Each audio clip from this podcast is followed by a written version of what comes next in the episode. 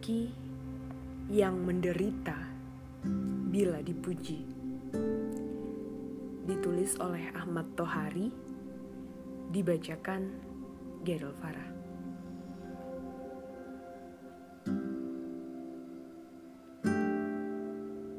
Mardanu seperti kebanyakan lelaki, senang bila dipuji. Tetapi akhir-akhir ini dia merasa risih, bahkan seperti terbebani. Pujian yang menurut Mardanu kurang beralasan sering diterimanya.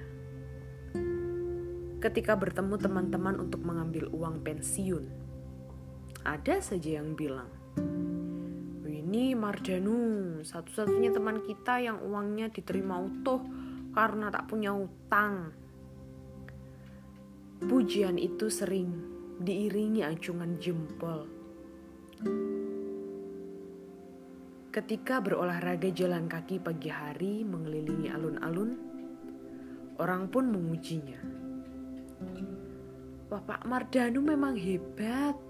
Usianya 75 tahun, tapi badannya tampak masih segar. Berjalan tegak dan kedua kaki tetap kekar.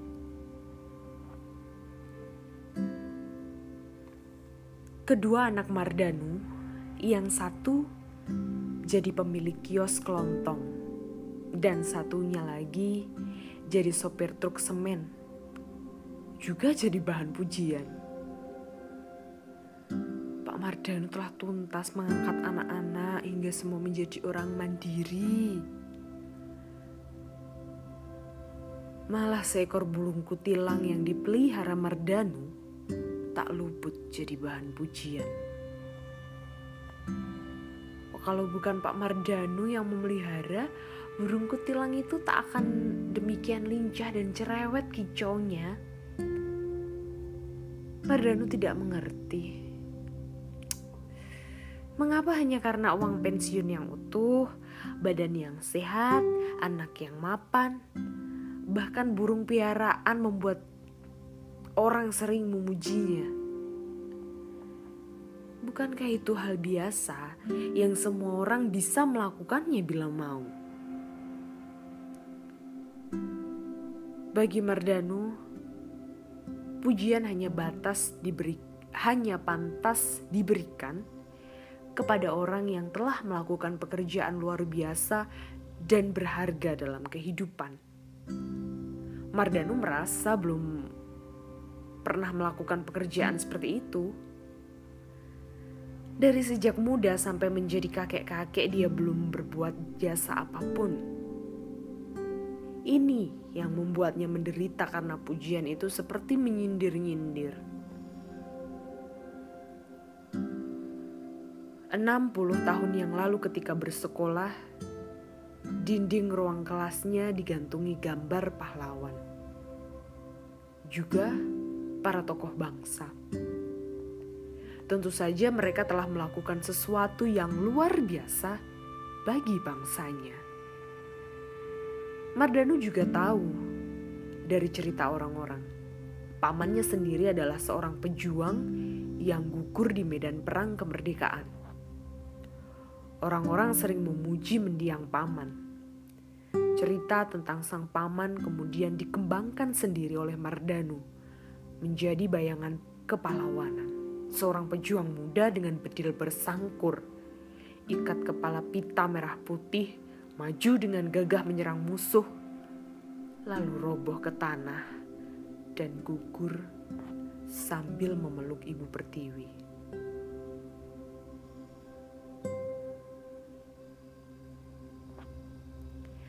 Mardano amat terkesan oleh kisah kepahlawanan itu. Maka Mardanu kemudian mendaftarkan diri masuk tentara pada usia 19. Ijazahnya hanya SMP dan dia diterima sebagai prajurit tamtama. Kegembiraannya meluap-luap ketika dia terpilih dan mendapat tugas sebagai penembak artileri pertahanan udara. Dia berdebar-debar dan melelehkan air mata ketika untuk pertama kali dilatih menembakkan senjatanya. Sepuluh peluru besar akan menghambur ke langit dalam waktu satu detik.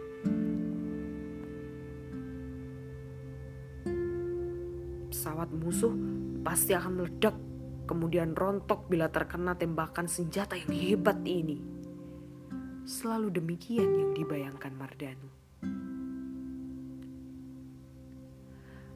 Bayangan itu sering terbawa ke alam mimpi. Suatu malam dalam tidurnya Mardanu mendapat perintah siaga tempur. Persiapan hanya setengah menit. Pesawat musuh akan datang dari utara. Mardanu melompat dan meraih senjata artilerinya. Tangannya berkeringat, jarinya lekat pada tuas pelatuk. Matanya menatap tajam ke langit utara. Terdengar derum pesawat yang segera muncul sambil menabur tentara payung. Mardanu menarik tuas pelatuk dan ratusan peluru menghambur ke angkasa dalam hitungan detik. Ya Tuhan, pesawat musuh itu mendadak oleng dan mengeluarkan api, terbakar, menukik dan terus menukik. Tentara payung masih berloncatan dari perut pesawat dan Mardanu mengarahkan tembakannya ke sana. Ya Tuhan, tiga parasut yang sudah mengambang mendadak kuncup lagi kena tunjangan peluru Mardanu. Tiga prajurit musuh meluncur bebas jatuh ke bumi. Tubuh mereka pasti akan lulu lantak begitu terbanting ke tanah. Mardanu hampir bersorak, namun tertahan oleh kedatangan pesawat musuh yang kedua. Mardanu memberondongnya lagi, kena, namun pesawat itu sempat menembakkan peluru kendali yang meledak hanya tiga meter di sampingnya. Tubuh Mardanu terlempar ke udara oleh kekuatan ledak peluru itu dan jatuh ke lantai kamar tidur sambil menjengkeram bantal. Ketika tersadar, Mardanu kecewa berat. Mengapa pertempuran hebat itu hanya ada dalam mimpi? Andai kata itu peristiwa nyata, maka dia telah melakukan pekerjaan besar dan luar biasa. Bila demikian Mardanu mau dipuji, mau juga menerima penghargaan. Meski demikian, Mardanu selalu mengenang dan mengawetkan mimpi itu dalam ingatannya. Apalagi sampai Mardanu dipindah tugaskan ke bidang administrasi teritorial lima tahun kemudian. Perang dan serangan udara musuh tidak pernah terjadi. Pekerjaan administrasi adalah hal biasa yang begitu datar dan tak ada nilai istimewanya. Untung, Mardanu hanya empat tahun menjalankan tugas itu. Lalu tanpa terasa, masa persiapan pensiun datang. Mardanu mendapat tugas baru menjadi anggota komando rayon militer di kecamatannya. Di desa tempat dia tinggal, Mardanu juga bertugas menjadi bintara pembina desa. Selama menjalani tugas teritorial ini pun, Mardanu tidak pernah menemukan kesempatan melakukan sesuatu yang penting dan bermakna sampai dia pada umur 50 tahun.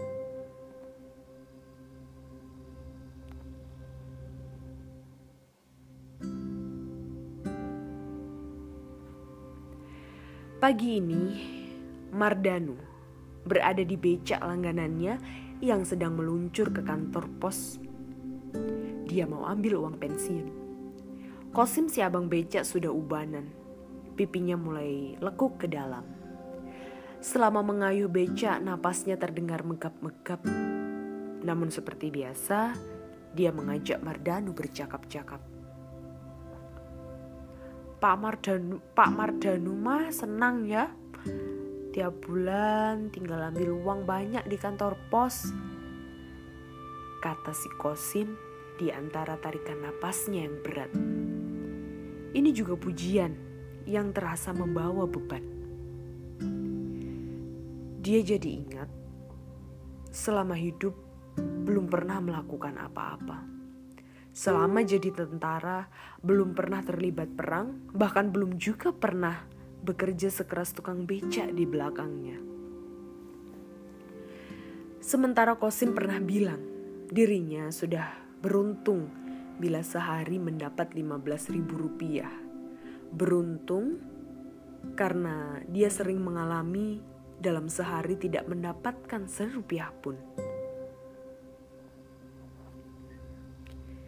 Masih bersama Kosim, pulang dari kantor pos, Mardanu singgah ke pasar untuk membeli pakan burung kutilangnya.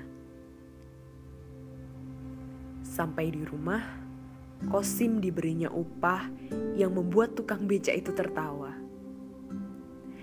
Kemudian terdengar kicau kutilang di kurungan yang tergantung di kaso emper rumah. Burung itu selalu bertingkah bila didekati majikannya. Mardanu belum menaruh pakan ke wadahnya di, di sisi kurungan. Dia ingin lebih lama menikmati tingkah burungnya, mencecet, mengibaskan sayap, dan merentangkan ekor sambil melompat-lompat. Mata Mardanu tidak berkedip menatap piaraannya. Namun mendadak, dia harus menengok ke bawah karena ada sepasang tangan mungil memegangi kakinya. Itu tangan Manik, cucu perempuan yang masih duduk di taman kanak-kanak. Itu burung apa, kek? Tanya Manik. Rasa ingin tahu terpancar di wajahnya yang sejati. Namanya burung kutilang. Bagus kan? Manik diam. Dia tetap menengadah, matanya terus menatap ke dalam kurungan. Oh, jadi itu burung kutilang kek. Aku sudah lama tahu burungnya, tapi baru sekarang tahu namanya. Itu aku, aku bisa nyanyi, nyanyi burung kutilang. Wah, itu bagus. Baiklah cucuku, coba menyanyi. Kakak ingin dengar. Manik berdiri diam. Barangkali anak TK itu sedang mengingat cara bagaimana ibu guru menyanyikannya. Barangkali anak TK itu sedang mengingat cara bagaimana guru mengajarinya menyanyi. Di pucuk pohon cempaka burung kutilang bernyanyi. Manik menyanyi sambil menari dan bertepuk-tepuk tangan. Gerakannya lucu dan menggemaskan citra dunia anak-anak yang amat menawan. Mardanu terpesona dan terpesona. Nyanyian cucu terasa merasuk dan mengendap dalam hatinya. Tangannya gemetar. Manik terus menari dan menyanyi. Selesai menari dan menyanyi, Mardanu merengkuh Manik, dipeluk dan direngkuh ke dadanya ditimang-timang lalu diantar ke ibunya di kios seberang jalan.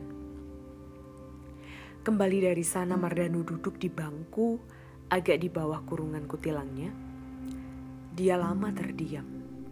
Berkali-kali ditetapnya kutilang dalam kurungan dengan mata redup.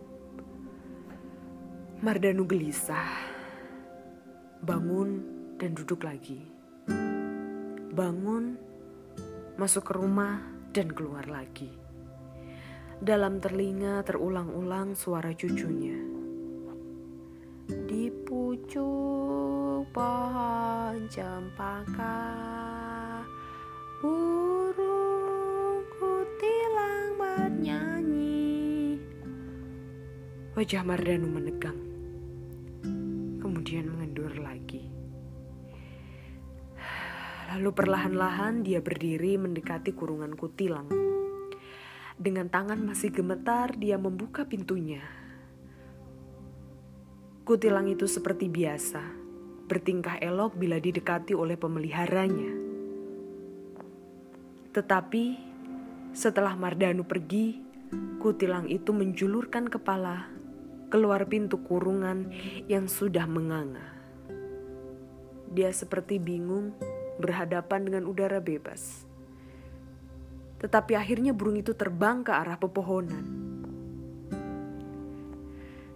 Ketika Manik datang lagi ke rumah Mardanu, beberapa hari kemudian dia menemukan kurungan itu sudah kosong. Kek, di mana burung kutilang itu? Tanya Manik dengan mata membulat. Sudah kakek lepas. Mungkin sekarang kutilang itu sedang bersama temannya di pepohonan. Oke, kenapa kutilang itu dilepas? Mata Manik masih membulat. Ya supaya kutilang itu bisa bernyanyi di pucuk pohon cempaka. Seperti nyanyianmu. Mata Manik makin membulat. Bibirnya bergerak-gerak. Namun belum ada satu kata pun yang keluar. Biaku telang itu bisa bernyanyi di pucuk pohon cempaka. Itu luar biasa.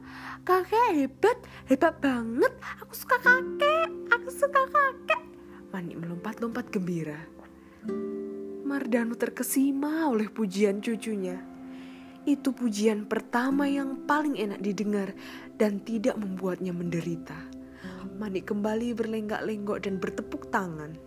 Dari mulutnya yang mungil terulang nyanyian kegemarannya.